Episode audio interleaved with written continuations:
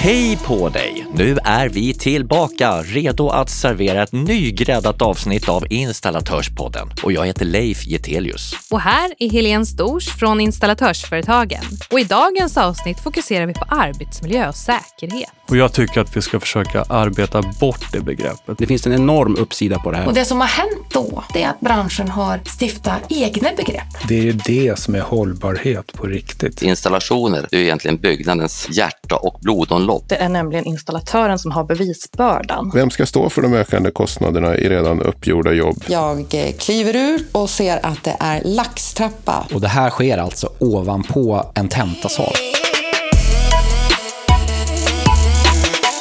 Då tar vi och kickar igång det här avsnittet. Och vår första gäst är arbetsmiljöexpert på installatörsföretagen. Välkommen hit Magnus Persson. Tack så mycket. När man pratar om arbetsmiljö så tänker nog många på den fysiska arbetsmiljön. Men kan inte du kort beskriva vad psykosocial arbetsmiljö innebär och varför den är minst lika viktig som den fysiska? Anledningen till att det är viktigt att vi börjar prata om den psykosociala arbetsmiljön är att eh, vi känner till mycket om den fysiska arbetsmiljön, men vi pratar inte så mycket om den psykosociala arbetsmiljön. Och den är minst lika viktig för hur vi ska må på arbetet. Det verkar finnas många lagar och regler som företagaren ska förhålla sig till när det kommer till just arbetsmiljö. Och en fråga som jag har förstått att du får ganska ofta handlar om hur man som företagare ska uppfylla Arbetsmiljöverkets regler. Men du skulle vilja flytta fokus lite grann. Kan inte du berätta mer om det? Arbetsmiljö och lönsamhet är väl egentligen det viktigaste för företaget att tänka på. Man kan ju se det som att eh, Arbetsmiljöverkets regler är ett sätt att begränsa samhällets kostnader för ohälsa i arbetslivet. Och det är en bit av det hela, det måste vi givetvis uppfylla. Men vi måste också tänka på att vi har en arbetsmiljö så att vi får en produktiv verksamhet. Och där tror jag vi har mycket att titta på. Och i förlängningen finns det en ekonomisk vinning med att jobba på det här sättet. Ja, definitivt. Och där har vi potential som är jättestor tror jag. I förra poddavsnittet så träffade vi företagaren Andreas Lavrell som just pratade om att eh, om en medarbetare inte mår bra när han går till jobbet så bör personen byta jobb. Men om personen inte mår bra när den går hem från jobbet så behöver företaget finnas där och stötta individen. Hur ser du på det resonemanget? Ja, jag tycker att det är klockrent och det är inte för inte att Andreas har fått Prevents arbetsmiljöpris. Ja, men det är viktigt att vi, vi tillsammans eh, tar höjd för hur våra kollegor mår. Alla går igenom livskriser och vi måste anpassa vår gemenskap till hur våra kollegor mår. Det kan vara någon som har förlorat en nära anhörig, det kan ha varit struligt vid lämning av barn och så vidare. Då måste vi anpassa arbetet så att det går att jobba trots de kristna som man har med sig hemifrån. Och på samma sätt så måste ju arbetsgivaren och alla kollegor gemensamt arbeta för att ingen ska bli kränkt på jobbet. För det går ju ut över privatlivet. Så att allting hänger ihop där. För att få en optimal arbetsmiljö så behöver ju företaget tänka både utifrån jämställdhet och mångfald. Men det är få företag som gör det idag. Varför tror du att det ser ut som det gör? Jag kan tänka mig att ett problem är att vi har så få kvinnor att anställa. Men jag tror att det är jätteviktigt med tanke på just det här eh, att om vi ska kunna jobba med hur vi mår mentalt så är det viktigt att vi har eh, många erfarenheter på arbetsplatsen. Som Andreas sa, om alla heter Kalle och är 20 år så är det svårt att hantera en kris. Eh, om vi har blandade åldrar, vi har kvinnor och män, olika bakgrund, då får vi helt andra perspektiv på våra problem. Så jag tror att vi, vi mår alla bra av det. Sen när man tittar på kvinnors arbetsmiljö och så där i byggbranschen, många ser att byggbranschen är för tung för kvinnor rent fysiskt. Det kanske den är, men framförallt är den för tung för män också. Det ser vi på skadestatistiken. Och det är ett problem som vi kan lösa, det finns ju hjälpmedel för det. Många kvinnor är starkare än män. Det beror ju väldigt mycket på vilken ålder man är i, vad man för fysiska aktiviteter på fritiden och så vidare. Tjejer som idrottar jämfört med en kille som sitter hemma och tittar på film är ju det är en jätteskillnad i fysisk styrka. Så att det resonemanget håller inte längre. Sen finns det ju några få män som eh, har en väldigt skev syn på kvinnor. Men jag tror att de är väldigt få, men låter mycket. Och en sista grej i sammanhanget är ju Många pratar om begreppet machokultur och jag tycker att vi ska försöka arbeta bort det begreppet för det hjälper oss inte på något sätt. Machokultur, som jag ser det, är ett samlingsbegrepp för dåligt beteende. Det kan handla om en sexistisk syn på kvinnor och det kan också handla om män oftast som slarvar med säkerheten. Och det är väldigt få som träffas av båda de kategorierna om man säger så. Så därför tycker jag att vi ska sluta prata om machokultur för det kommer inte att hjälpa oss. Som företagare eller arbetsgivare då, så behöver man ju även våga konfrontera de medarbetare som inte sköter sig på olika sätt. Exempelvis om någon dyker upp och luktar alkohol under arbetstid eller utsätter sig själv eller kanske andra för risker i arbetet. Hur ska man då som arbetsgivare våga ställa de här tuffa frågorna till sina medarbetare? Alternativet till att konfrontera i ett tidigt skede är att man låter det gå. Och då vet vi att det händer att till exempel alkoholmissbruk ökar över tid och det leder till försämrad produktivitet och i slutändan till personlig tragedi och kanske uppsägningar i värsta fall.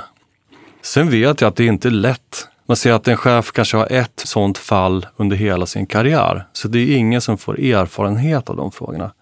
Och därför har vi på installatörsföretagen tecknat ett avtal med Alna som ger alla medlemsföretag kostnadsfri rådgivning i just de här fallen. Och det, det är framförallt väldigt bra rådgivning i början när man får misstanke om att någonting inte står rätt till. Så jag rekommenderar alla att eh, titta på det avtalet och det finns information om det på vår hemsida. Om vi tittar på kostnaden för alkoholmissbruk i samhället så har Amboll gjort en jättebra studie tillsammans med Systembolaget. Och där såg man att samhällskostnaden för alkohol år 2017 var 100 miljarder. En tredjedel av de här 100 miljarderna kom ifrån produktionsbortfall. Och det tror jag vi kan ta över till vår bransch också. Har vi någon som vi misstänker har alkoholproblem så kommer det definitivt att leda till produktionsbortfall. Sen kommer det givetvis också att påverka kollegor och chef. Och någon måste göra den här personens jobb och så vidare.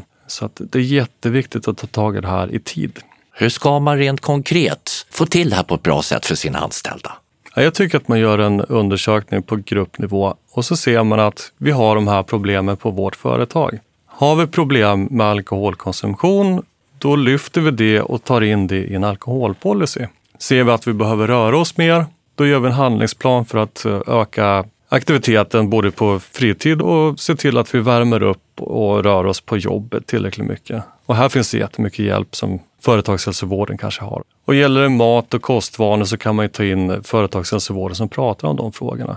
Och sen följer man upp det här ett år senare, eller ett halvår senare och ser om det blivit bättre. Och nu i sommar så införs utbildningen Safe Construction. Berätta, vad är det för någonting? Ja, det är ett initiativ taget av byggföretagen där man har tagit fram en säkerhetsutbildning som ska gälla alla projekt som eh, drivs av byggföretagens medlemmar.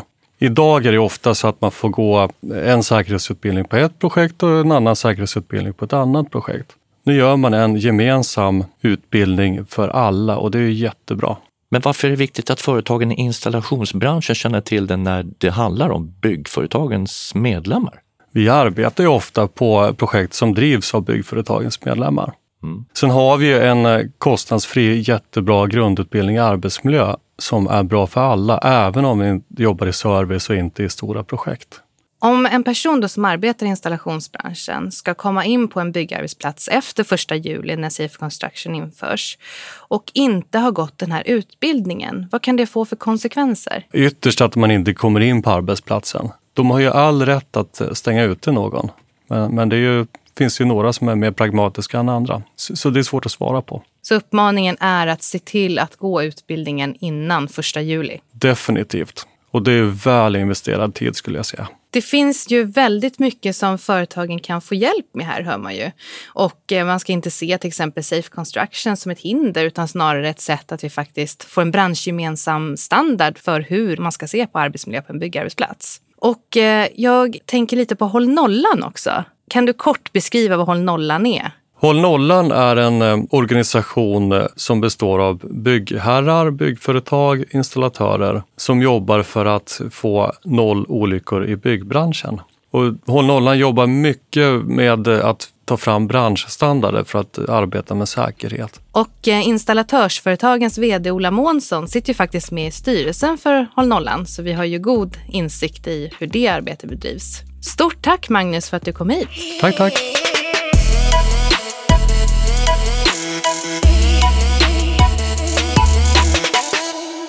Nu skiftar vi fokus lite grann och ska prata om säkerhet. Vi börjar med att sikta in oss på el för att senare glida över till VS. Välkomna till Installatörspodden elsäkerhetsexperterna Fredrik Byström Sjödin. Hej, hej! Och så Cecilia Axelsson, hej på dig också. Hejsan hejsan. Ni är bägge hemmahörande på installatörsföretagen. Vad innebär elsäkerhetslagen och varför finns den? Det gamla regelverket var väldigt omodernt och det var framförallt väldigt, väldigt svårt att förstå. Framförallt för konsumenter. Så det var helt nödvändigt att göra någonting åt det där och det var ganska många krafter som genom åren har försökt få ändring på det där och äntligen kom det till stånd att 2013 så tillsattes en utredning och sen så då blev det då en ny elsäkerhetslag 2017. Och det här med att många företag tycker att det är krångligt att efterleva Elsäkerhetsverkets regler. Vad säger du till dem som ändå har den här rätt vanliga inställningen? Jag brukar säga att jag förstår att de har det eftersom hela det gamla regelverket som generationen av elfirmor har jobbat under har ju varit så att man inte behövt göra särskilt mycket för att efterleva den lagstiftning som fanns då. Nu är det ändrat på så sätt att nu liknar det alla andra branscher. Så att nu har elteknikbranschen då nått en nivå som motsvarar en kylfirma till exempel, eller kanske en eh, byggfirma eller någon som håller på med sånt. Och eh, de andra branscherna tycker inte det är något konstigt, men jag förstår att elteknikbranschen tycker att det är lite mer administration det här kommer funka, det här kommer att, att, lösa sig. Det är lite mera jobb i början, man måste tänka lite nytt, men det finns en enorm uppsida på det här. Och dessutom, du får säkrare och bättre elinstallationer och dessutom ett bättre och mer välmående företag och tjäna mer pengar. Elsäkerhetslagen är ju en lag som man måste följa. Men varför är det så viktigt att man följer den? Ja, det är ju så här med elektricitet, att om man inte gör på rätt sätt så omkommer man i värsta fall. Eller att eh, huset brinner ner. Säkerhetsaspekten kring det här är jätteviktig. Oftast kommer det, speciellt bland hemmabyggare och så här, så landar alltid debatten i att kommer jag få böter eller fängelse om jag gör den här själv? Och jag brukar svara ja, det är väl rätt ointressant. Det som är intressant är, kommer dina barn kunna få ström i sig? Där bör ju liksom tankegodset hamna. Cecilia, idag pratar vi mycket om eh, säkerhet och ett ord som jag fastnat lite för och som jag förstår att du eh, jobbar mycket med är potentialutjämning. Kan du berätta lite vad det innebär? Ja, jag håller på en hel del med potentialutjämning och tycker det är jätteintressant. Och visst har det till viss del med säkerhet att göra. För potentialutjämning, precis som det här begreppet antyder, så är ju det en utjämning av potentialer. Så av någon anledning så vill vi få bort skillnader mellan olika delars potentialer. Så det här själva begreppet är alltså ett paraplybegrepp. Och det här gör ju att det är väldigt viktigt att vi är på det klara med vad vi vill uppnå med den här utjämningen. Antingen så är ju vårt syfte att vi vill skydda person och husdjur mot elchock och att vi vill skydda våra anläggningar mot sakskada. Eller så är syftet att vi vill säkerställa en funktion hos en elektrisk utrustning. Och är det så, så att det första är att vi är ute efter att upprätthålla säkerheten i en anläggning utifrån elchock eller exempelvis brand, ja, då potentialutjämnar vi ur skyddssyfte och det här kallar vi då för skyddsutjämning som alltså är en del av paraplybegreppet potentialutjämning. Och den andra, ifall vi istället vill skydda mot störningar, om vi vill reducera risker för lagerströmmar i motorer, ja då är det potentialutjämning ur funktionssyfte och då benämner vi den funktionsutjämning. PUS, SUS, huvudskyddsutjämning, skyddsskena och potentialjordning, är det samma sak? Nej, det är inte samma sak.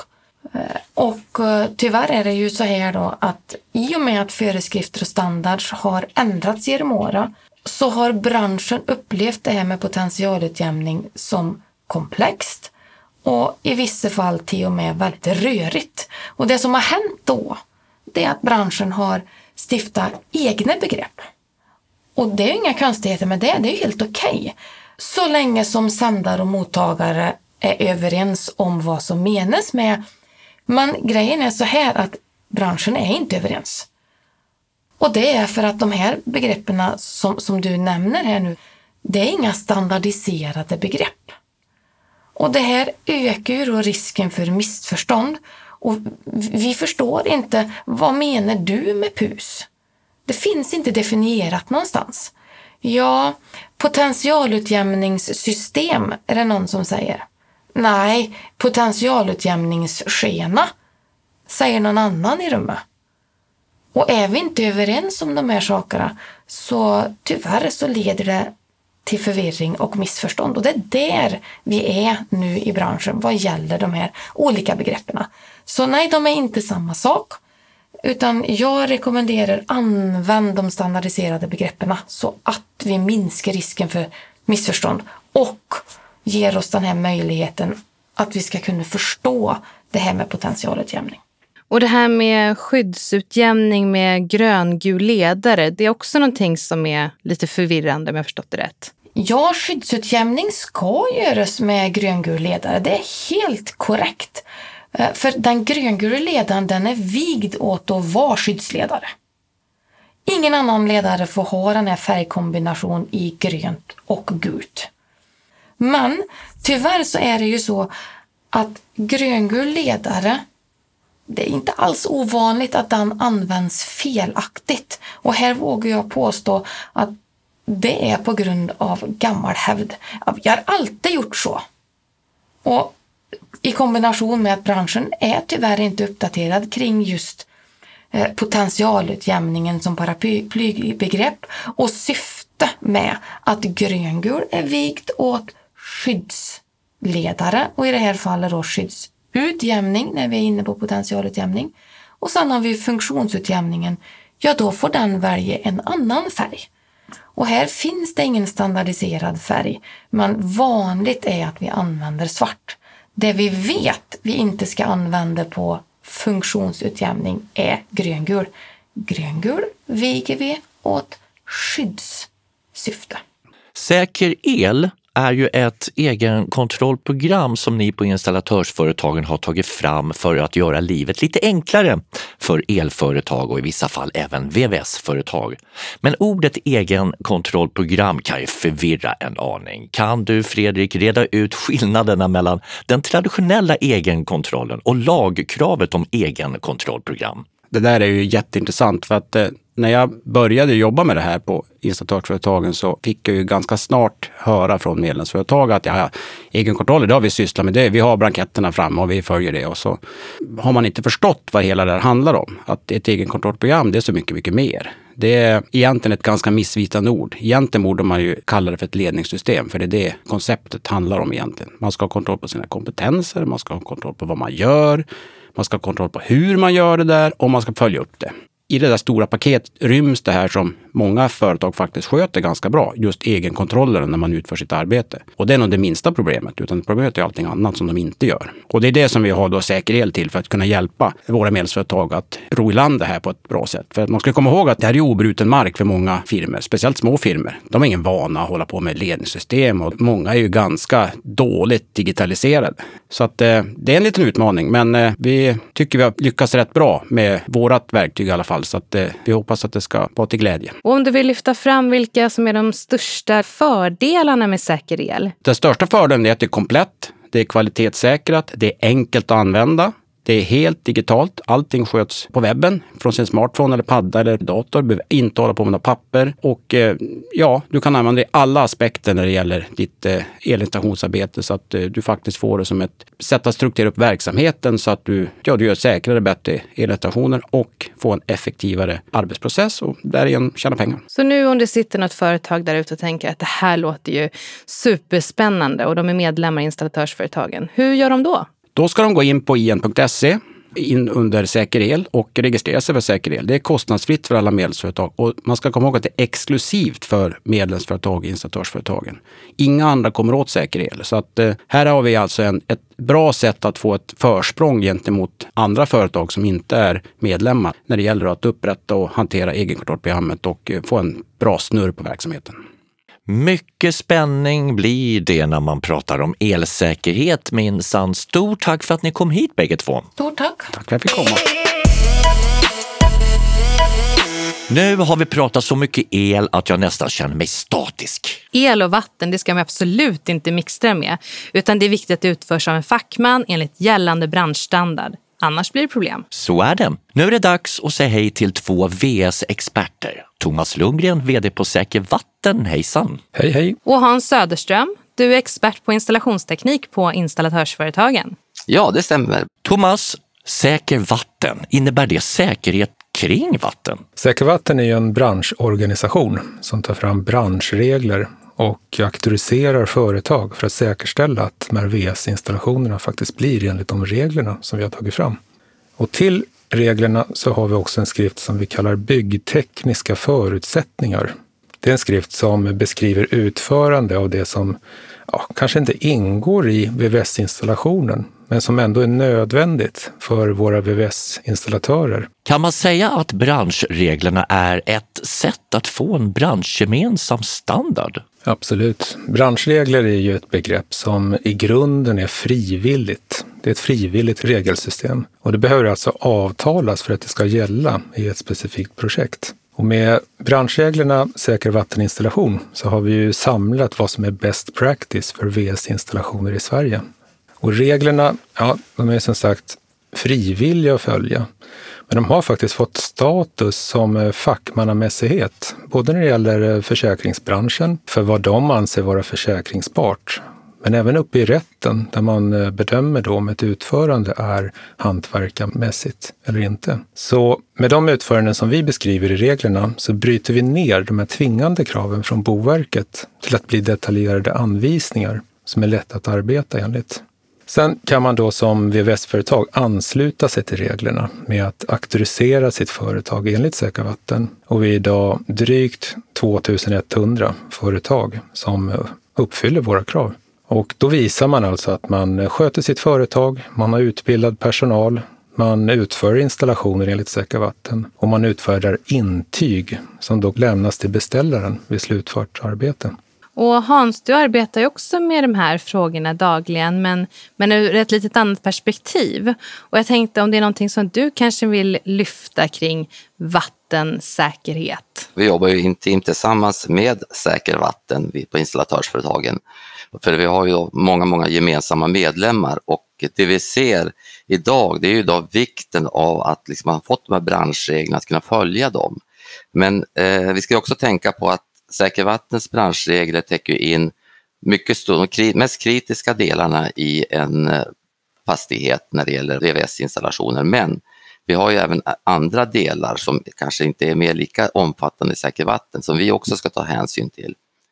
Eh, vi tittar ju nu på, det finns många utvecklingsprojekt, framförallt kanske då hur korrosion och sådana saker kan undvikas i äldre rörsystem där det idag är en mycket skador och kommer att bli framöver mycket skador som att vi har ett eftersatt underhåll. Vi har ju precis lyssnat till två elsäkerhetsexperter men då verkar branschreglerna finnas istället för att man har reglerat dem hos en myndighet. Eller hur ska man se på det här? Ja, elsidan de har ju haft en elstandard som de har följt väldigt, väldigt länge och den standarden den har vi inte på VVS-sidan. Den liksom inte med där. Och därför är just av vikten av att kunna ha en gemensam branschstandard som Säker Vatten är, är väldigt, väldigt viktig. Och eh, en sak som också är viktig, det är ju då att som det är nu är ju då Säker Vattens branschstandard Säker vatteninstallation är ju då samordnad med även de andra som håller på med tätskikterna i våtrum till exempel. Det är ju just den samordningen som är jätteviktig. Och där har vi en stor fördel av att, man, att Säker Vatten jobbar med, tillsammans med dem. Installatörsföretagens rötter kommer ju från EIO och VVS-företagen där VVS-företagen också var den organisation som faktiskt startade Säker Vatten en gång i tiden. Men visst är det så att om ett företag är medlemmar hos installatörsföretagen så kan man ju få rabatt hos Säker Vatten, eller hur? Det stämmer bra. Eh, medlemmar inom installatörsföretagen har idag 20% rabatt på serviceavgiften inom Säker Vatten. Och det beror ju på att vi har ett bra samarbete mellan organisationerna och vi vill ju understryka att vi helst ser att VVS-företagen som vi jobbar med är med både i installatörsföretagen men även Säker Vatten. Vi vill ju verka för schyssta arbetsvillkor, så vi rekommenderar våra medlemmar att gå med i installatörsföretagen. Det dök upp en färsk rapport ganska nyligen, den så kallade vattenskaderapporten pratar jag om. Och bakom den står Vattenskadecentrum som ni båda är lite inblandade i. Kan ni inte berätta lite kort om varför den finns till? Ja, men vattenskaderapporten är ju jätteviktig för vårt arbete. Och det handlar ju om att fånga upp de här erfarenhetsdata. Alltså hur ser det ut med skador där ute? Så som sagt så är Säkervatten tillsammans med installatörsföretagen, branschorganisationer och försäkringsbolag med i Vattenskadecentrum som tar fram rapporten. Så Vattenskadecentrums uppgift är att undersöka och sprida information om orsaker till vattenskador. Så tanken är att kunskapen om orsaken ska leda till förbättring i form av bättre byggregler, också branschregler då förstås, byggmetoder, material, utbildning och i slutändan färre vattenskador. Jag brukar säga att det är det som är hållbarhet på riktigt. Man slipper bygga om, utan det blir rätt från början. Vattenskadecentrum ger ut årligen en rapport då, som sammanställer statistiken från ungefär 35 000 skaderapporter som gäller vattenskador. Och I årets rapport så kan man identifiera att eh, de flesta vattenskadorna faktiskt sker i köken. Det är en liten skillnad om man ser bakåt eh, i tiden. Eh, från början av 2000-talet så var ju betydligt mer skador i våtrummen men det har man ju tagit tag i. Man har identifierat, man har hittat på bättre lösningar, styrt upp arbetssätt och, och eh, lyckats kan man säga. Eh, en eh, litet bekymmer som är det, köket naturligtvis är ett stort bekymmer och det är ju inte så mycket bekymmer kanske på installationsdelen utan där är det då mera kanske bekymmer på utrustningen. Det är fler och fler utrustningar som ansluts med vatten och eh, vi ser också då att eh, under kylar och frysar så sätter man skydd under men man får ändå vattenskador där och där kan man ju fundera på hur kan det bli så? Och det är även så med utrustning att det är förhållandevis ung utrustning som orsakar vattenskador. Det kan bara vara ett fåtal år så blir det läckage. Hur ska man då framöver bromsa den negativa utvecklingen i köksmiljön då som ni påtalar? Man kan väl säga att både våtrummen och eh, köken är ju komplicerade. Dels för att det är vatten där förstås, men det är också väldigt många olika entreprenörer som är inblandade som behöver synkas, både i tid och utförande. Och man behöver styra ansvar däremellan så att det blir ett bra slutresultat. Vi har faktiskt ett projekt precis startat tillsammans med eh, Länsförsäkringens forskningsfond eh, där vi ska kika lite på köket och eh, se vad är det som egentligen händer? Vad är det som blir fel? Behöver vi prova? Behöver vi skapa provningsmetoder för att testa produkter? Behöver vi anpassa byggregler och så vidare? Så det är ett projekt som kommer löpa under ja, året ut åtminstone. Och vårt mål är förstås att skapa bättre branschregler eh, som vi kan auktorisera våra företag enligt och, och därmed minska vattenskadorna.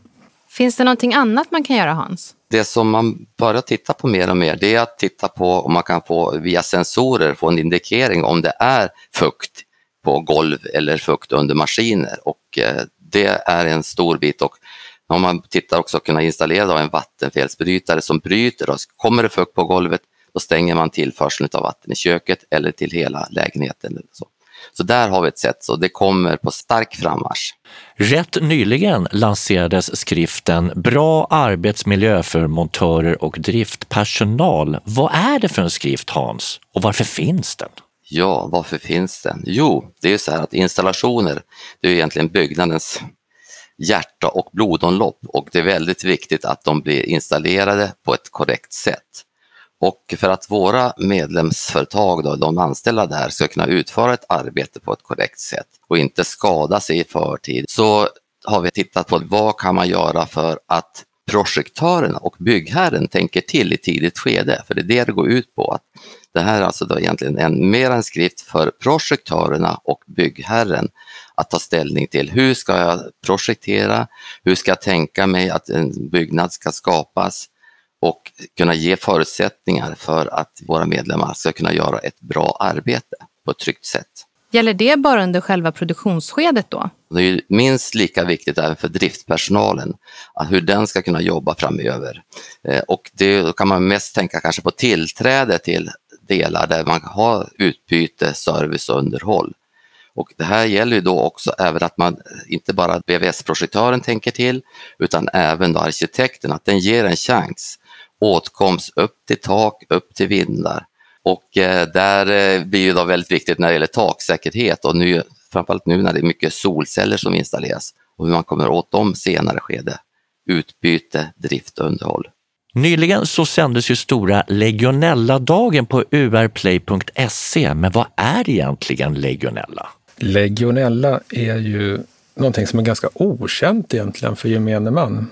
Det handlar ju om en liten bakterie, eller flera kanske, som eh, trivs bäst i vatten och eh, när omsättningen i vattenledningar eh, är låg, alltså vattenomsättningen, stillastående vatten, och när temperaturen är mellan 20 och 45 grader, då trivs den bra. Och bakterierna de ger ju med sig en risk att man då får någonting som heter legionärssjuka eller pontiacfeber. Det är infektioner i luftvägarna och liknar, eh, ja, man kan väl säga lunginflammation eller lite influensaaktigt. Och det är faktiskt folk som dör i det här. Och det smittar via aerosoler, eh, alltså vattenånga, om man andas in det som innehåller den här bakterien.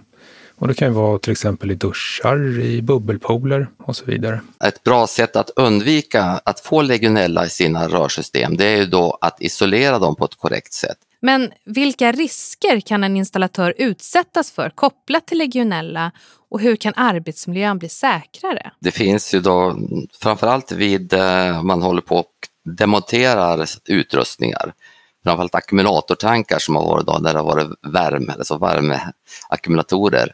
Eh, där kan det finnas legionella och när man håller på och jobbar i sånt, framförallt de större, så kan det utlösas då en, en legionella färm som man får mot sig och det där är väldigt farligt. Sen har vi också då den som är nu då kanske mest aktuellt, det är från kyltorn. Eh, kyltorn är ju ett sätt att eh, kyla bort värmen när man har kyl, stora kylmaskiner. Eh, så har man då kyltorn på tak och där har man då cirkulerande vatten som går genom den här utrustningen och den blir ju som en ånga och så sprider sig. Och vill man veta mer om legionella så har ju faktiskt ni startat en podd ganska nyligen Thomas där ni dyker ner i det här ämnet. Kan inte du berätta lite mer om er podd? Podden det är ju ett sätt, precis som den här podden, att nå ut till våra VVS-företag, våra projektörer av VVS och många andra. Eh, vi har faktiskt i senaste avsnittet pratat om eh, just legionella och det kan man lyssna mer på på Rörpodden. Och var hittar man Rörpodden? Där poddar finns. Perfekt, då tackar vi er så jättemycket för att ni kom hit. Tack för det. Tack.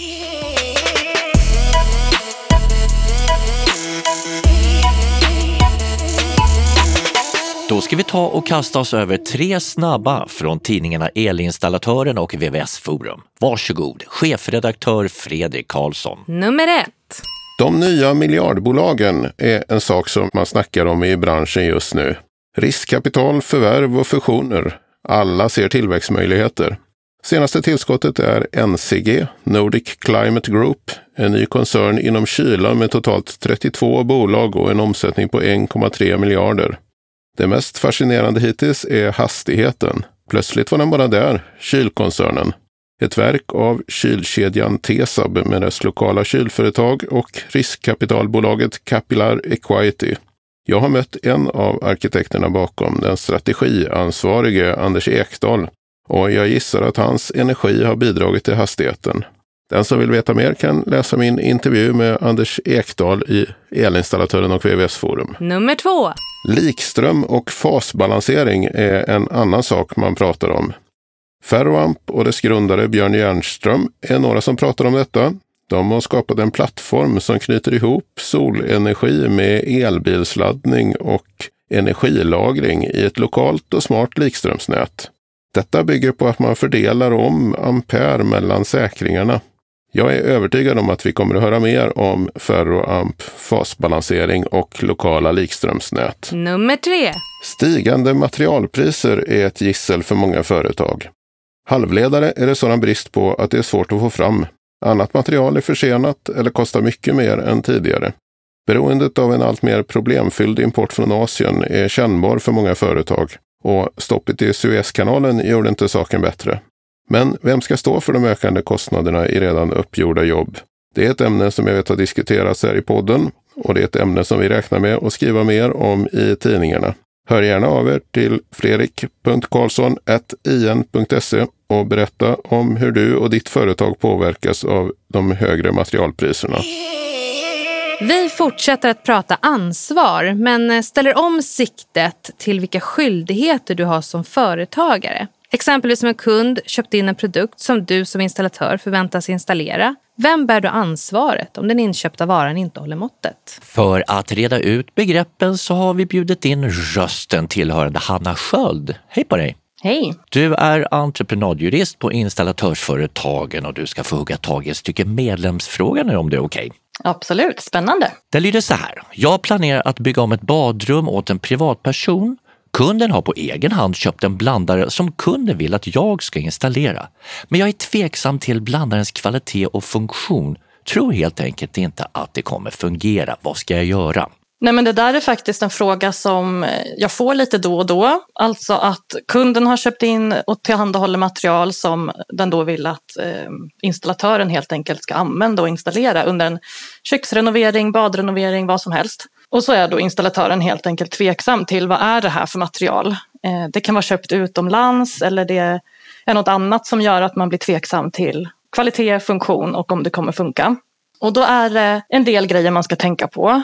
När man har en privatperson som kund så gäller konsumenttjänstlagen nästan alltid.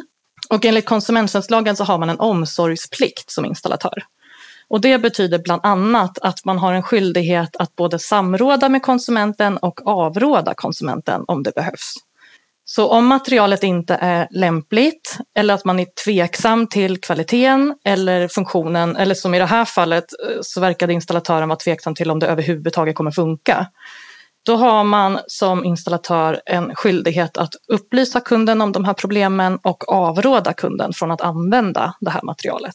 Och då är det jätteviktigt att man gör det tydligt så att kunden helt enkelt förstår vad som är problemet och att man gör det här avrådandet skriftligt. För att det är nämligen installatören som har bevisbördan för att man har avrått och att kunden kanske ändå då vill att man skulle göra jobbet med materialet. Men man måste kunna visa att man har avrått. Annars kan man råka på ett felansvar även fast det är kunden som har köpt in materialet. Men om installatören då gör ett skriftligt avrådande och kunden ändå insisterar på att få den installerad, har man då som installatör ryggen fri? Man kan säga att normalt sett om man har gjort ett skriftligt och tydligt avrådande och kunden ändå vill att man installerar materialet. Som installatör så får jag inget felansvar normalt sett. Men här finns det en särskild regel som innebär att installatören ska aldrig installera något som strider mot författningsföreskrifter eller myndighetsbeslut som finns till för att säkerställa att föremålet för tjänsten är eh, tillförlitligt ur säkerhetssynpunkt. Så det hela handlar alltså om att det får inte finnas en eh, fara för person eller egendom. Exempel på sådana författningsföreskrifter eller myndighetsbeslut skulle kunna vara eh, brandskyddsföreskrifter eller säkerhetskrav som ställs på elektriska installationer. Misstänker man eller man märker att det här materialet brister ur säkerhetssynpunkt, då ska det inte installeras. Eh, inte ens om konsumenten insisterar efter ett avrådande. Bra, då har vi rätt ut det, eller snarare du Hanna, på ett utmärkt sätt. Tack för att du var med. Tack så mycket.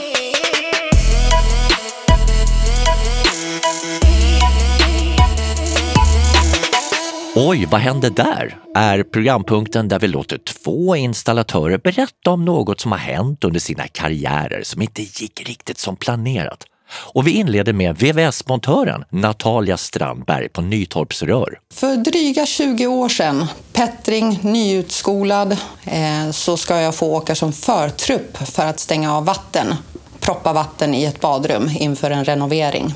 Jag åker dit, jag är själv och eh, kommer upp i badrummet och ser att här sitter ju fortfarande badkaret på plats. Ett gammalt gjutjärnsbadkar inkaklat. Jag ringer min chef och säger att här är ju badkaret kvar på plats. Jag kommer inte åt några rör. Då sa han bara ta hammaren, slå i varsitt hörn och så kan du plocka bort det. Det här var ju ett av de första jobben jag åkte på själv också. Nu bankar jag igång och får loss halva badkaret så jag kommer åt rören.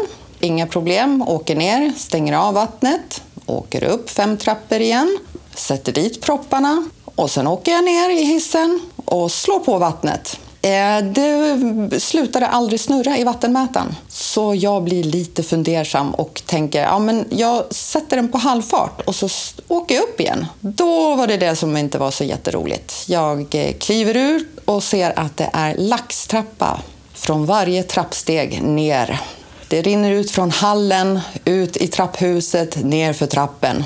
Det är bara att springa ner, slå av vattnet och sen kommer det roliga samtalet till chefen. Hej, det har hänt en olycka. Vilken lägenhet är du i? Eh, ja, på fem trappor och säger lägenhetsnumret. Eh, den lägenheten har inkoppling med VVC i köket. Det var fullt flöde. Jag hade ju proppat rätt stam, men eh, går runt så att den fortsatte att fläska på helt enkelt. Nu är det alltid två på vattenavstängning, aldrig ensam en. Man lär så länge man lever, även som installatör. Och det gäller inte minst Thomas Eriksson på Stockholms elinstallatör. Ja, men det, det finns en del grejer som har hänt genom åren. Och speciellt när jag var praktikant. Då var jag iväg med en kollega. Vi hade precis kommit upp till Stockholms universitet. Och upp på taket där vi ska dra om matningen till en ny takfläkt som ska monteras i samband med en takrenovering där. Och det här sker alltså ovanpå en tentasal. I salen då sitter det 20-30 elever och tentar för någonting. Så det var väldigt liksom noga att vi, här får vi inte gå in och kolla, utan det, det här ska ske diskret. Om man säger. Så vi upp på taket där och Stefan, min kollega som eh, var med, han eh, talade om för mig att ja, men vi ska upp med en matning här till nya takfläkten och du kan prova att skjuta ner ett eh, VP-rör i det här befintliga röret som finns då. För att se lite grann om det finns möjlighet att dra upp matningen den vägen. Ja, absolut. Jag går upp dit. Han går ner och ska titta in i tentasalen och se om man ser något. Men det satt ju något så här mjölkat glas för så att man såg inte så mycket. Så vi tänkte, vi får chansa då. Så jag står där uppe då och matar på och tycker det, det här går ju kanon. Så jag fick ner en ja, två och en halv, tre meter rör, nästan hela röret då. Och hör då ett ylande från en tjej nere i tentasalen. Eh, och det visar sig då att det här röret då, undertaket som sitter original i lokalen, det är bortplockat då efter den här vattenläckan som vi håller på att återställa efter. Eh, så att det här är originalröret då som jag har eh, gått på om man säger och ska skjuta i och testa kabelvägen till.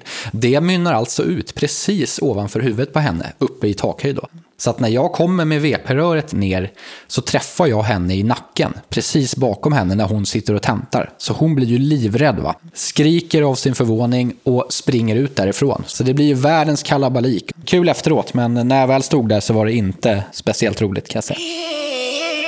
Då är det game over för det femte avsnittet av Installatörspodden. Ja, glöm inte kontakta oss om det är något du tycker att vi ska med i den här podden. Det här är ju branschens podd. Kontakta oss, det är en bra idé. Men hur gör man då? Skicka ett mejl till info.im.se.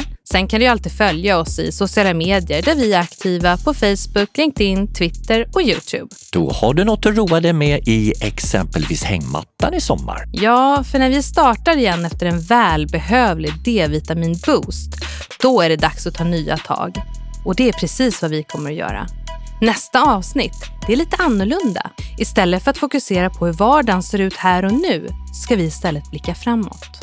Hur kommer installationsbranschen att förändras? Och vad behöver du som företagare göra för att hänga med i den utvecklingen? Det vill du inte missa. Åh, vad härligt! Ut och njut nu, så hörs vi igen i augusti. Hej då!